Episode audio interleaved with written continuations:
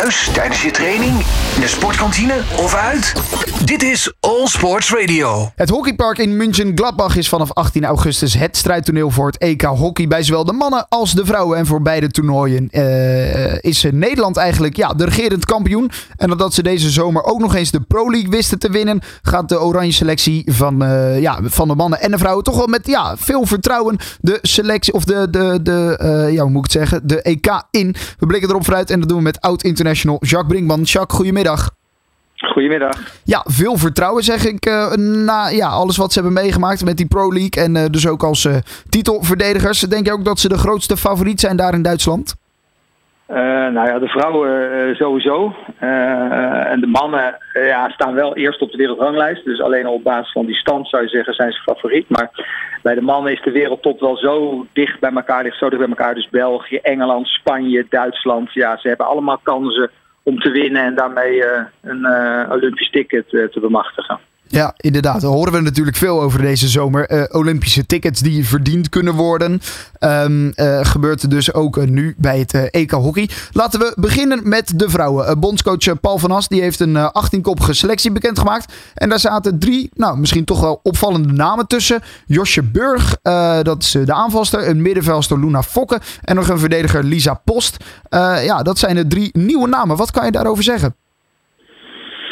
Ja, uh, weet je, vernieuwing is altijd goed. En uh, Joosje Burg uh, die scoort bij Den Bos best regelmatig doelpunten. En trouwens ook in het Nederlands elftal. Dus eigenlijk is het best logisch. En Luna Fokker en Lisa Post ken ik dan wat minder. Ja, hij heeft daar zo zijn overweging voor bondscoach om die te selecteren. Rosa Vernig van Den Bos bijvoorbeeld gaat dan niet mee. Dat, dat is misschien een beetje verrassend, maar die was ook geblesseerd. Dus ja, weet je, dat zijn allemaal speelsters die zijn zeker heel goed. Maar het verschil wordt hem uiteindelijk toch gemaakt door bijvoorbeeld aanvoerder Suzanne de Waard en uh, de corner van Jibby Jansen. En, en die, uh, die moeten uitblinken voor een Europese titel. Ja, het is inderdaad nou ja, nieuw dat ze op een groot eindtoernooi staan. Dat betekent niet dat ze voor het eerst voor Nederland uitkomen. inderdaad. Dus voor hun misschien wel een soort EK om ervaring op te doen in dat oranje shirt. Zodat ze misschien in 2024, de Olympische Spelen, nou ja, wat meer van betekenis kunnen zijn. Nou ja, goed, de concurrentie is, uh, is moordend bij die vrouwen. En uh, ja, degene die nu niet meegaan, en als je het nu goed doet, bijvoorbeeld in Joosje Burg en, en die, de drie die je net noemde, Luna Fokke, Lisa Post, ja, als ze het goed doen, ja, dan hebben ze natuurlijk een streepje voor, voor de Olympische Spelen. En bij de EK is er dan de selectie 18. Bij de Olympische Spelen mogen er maar 16 zijn, dus er moeten er nog twee af. Dus, maar dat geldt zowel bij de man als de vrouwen, is die concurrentie moordend om uiteindelijk die Olympische selectie te halen. Dus ja, we gaan het zien. Ja, hoe is die sfeer binnen die ploegen, bij de mannen en zowel ook de vrouwen? Uh, wat ik natuurlijk zei, kampioen, regerend kampioen, Pro League gewonnen. Nou, staan dus ook bovenaan op de wereldranglijst. ja, is de sfeer dan ook gelijk positief? Of, of we hebben natuurlijk andere periodes ook wel gehad, zeker bij de vrouwen. Ja, nou ja, goed. De sfeer is, is, is zeker positief. Hè. De mannen uh, met de nieuwe bondscoach Del mee. Ja, inmiddels is hij er ook alweer anderhalf jaar. Maar dat zit toch wel een nieuwe gezonde uh, zoom in. En de vrouwen hebben natuurlijk te maken gehad met, het, uh, met de historie van Alice en Ennen. Met ongewenst gedrag. Nou, noem het allemaal op. Dat ja. lijkt allemaal goed. De cultuur is toch wat opener. Dat lees je en hoor je ook in de interviews.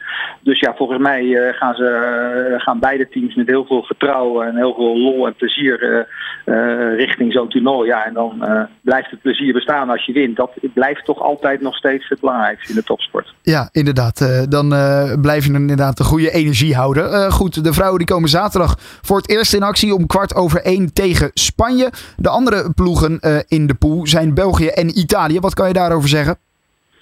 Ja, Italië is denk ik de minste. En uh, ik denk dat het uh, voor Nederland wel gunstig is om België in de pool te hebben. Want ik verwacht eigenlijk dat België de grootste uh, uitdager is voor Nederland om zeg maar eventueel niet te winnen. België wordt gecoacht door de Nederlander Roel Eren. En die heeft dat team echt omhoog weten te sturen. Dus je, de, de Nederland zal België in de pool treffen, maar in ieder geval niet in de halve finale. En uiteindelijk dan misschien in de finale. Hoewel in de andere pool zit ook nog Duitsland. En het thuisland is altijd natuurlijk sterk. Maar ja. Nederland en België zijn de favorieten denk ik bij de vrouwen voor de titel. En ja, Italië en Spanje, ja, dat, dat lijkt me geen probleem eh, worden in de pool. Dus Nederland en België gaan bij de vrouwen in die pool gewoon door naar de halve finale. schat ik zo in. Schrijven we die alvast op. Uh, wel geretourneerde keepers, uh, waar we dus net nog drie nieuwe namen hadden op een eindtoernooi. Uh, zijn de, de keepers wel al wat bekender met dat principe. Josine Koning, ook van den Bos. En Anne Veenendaal, dan weer van Amsterdam. ja, die moeten nog wel een strijd aangaan. Wie van de tweede gaat keepen? Of is dat al bekend bij jou?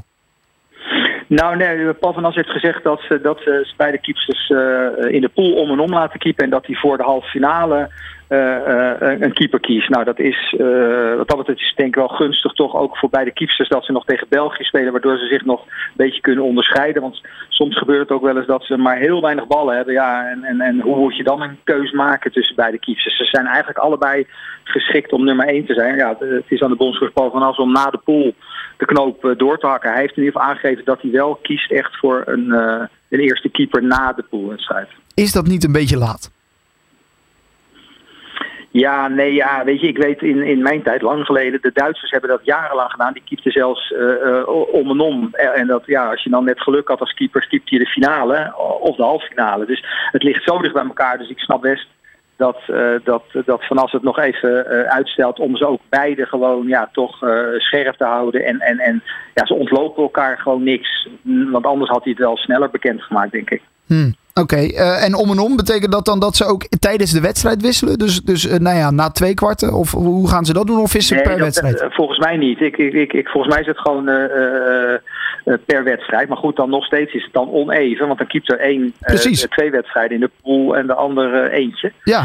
Dus ja, dat zal dan even. Ja, de, de eerste wedstrijd keeper hij heeft het opstelling nog niet bekendgemaakt. Dus dat zal in ieder geval de keeper zijn die dan in de pool twee wedstrijden keept. Ja, dan kan je zeggen, heeft hij een lichte voorkeur of juist niet. En weet je misschien al stiekem dat die andere keeper die maar één wedstrijd keept toch al de halve finale en de finale keept. Ja, dat, ik kan niet in het hoofd van Paul van As kijken, maar ja, wordt spannend denk ik, ook voor, voor, voor de beide keepers. Want je wil natuurlijk uiteindelijk een halve finale en een finale wil je in het goal staan.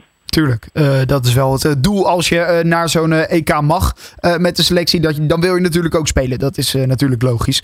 goed, Nederland gaat in Duitsland voor de vierde titel op rij. De vierde Europese titel op rij. Als dat lukt, zou dat betekenen dat ze een evenaring hebben record van, van het record in 2005. dat zou natuurlijk wel een mooie zijn. En daarbij dus ook gelijk een ticket naar de Olympische Spelen van volgend jaar in Parijs. Dat dus voor de vrouwen. als we dan even naar de mannen kijken, dan hebben we vervelend nieuws voor de Chap Hoedemakers die definitief niet mee kan. Ja, dat wil je natuurlijk niet. De allerlaatste training en dan uh, scheur je of verrek je je hamstring waardoor je niet op tijd fit bent. Ja, dat is natuurlijk super balen. Ja, en zo gaat het vaak in de topsport. Het is weer uh, fijn uh, voor, voor degene die nu wel meegaat. Dat is dan Floris Middendorp, een middenvelder. Ja. ja. En daar was al wel, de, wel veel discussie over. Goh, had hij niet dan meteen bij de selectie moeten zitten, want hij heeft heel goed gedaan. Nou, Jeroen Domee, bondscoach, die koos eerst voor Tjep Hoedemakers als minister voor meer spitsen, zes spitsen. En ja, nu gaat er één geblesseerd af. En komt er dus niet een spits bij, maar een middenvelder. Dus dat zou je nog een beetje verrassend kunnen noemen.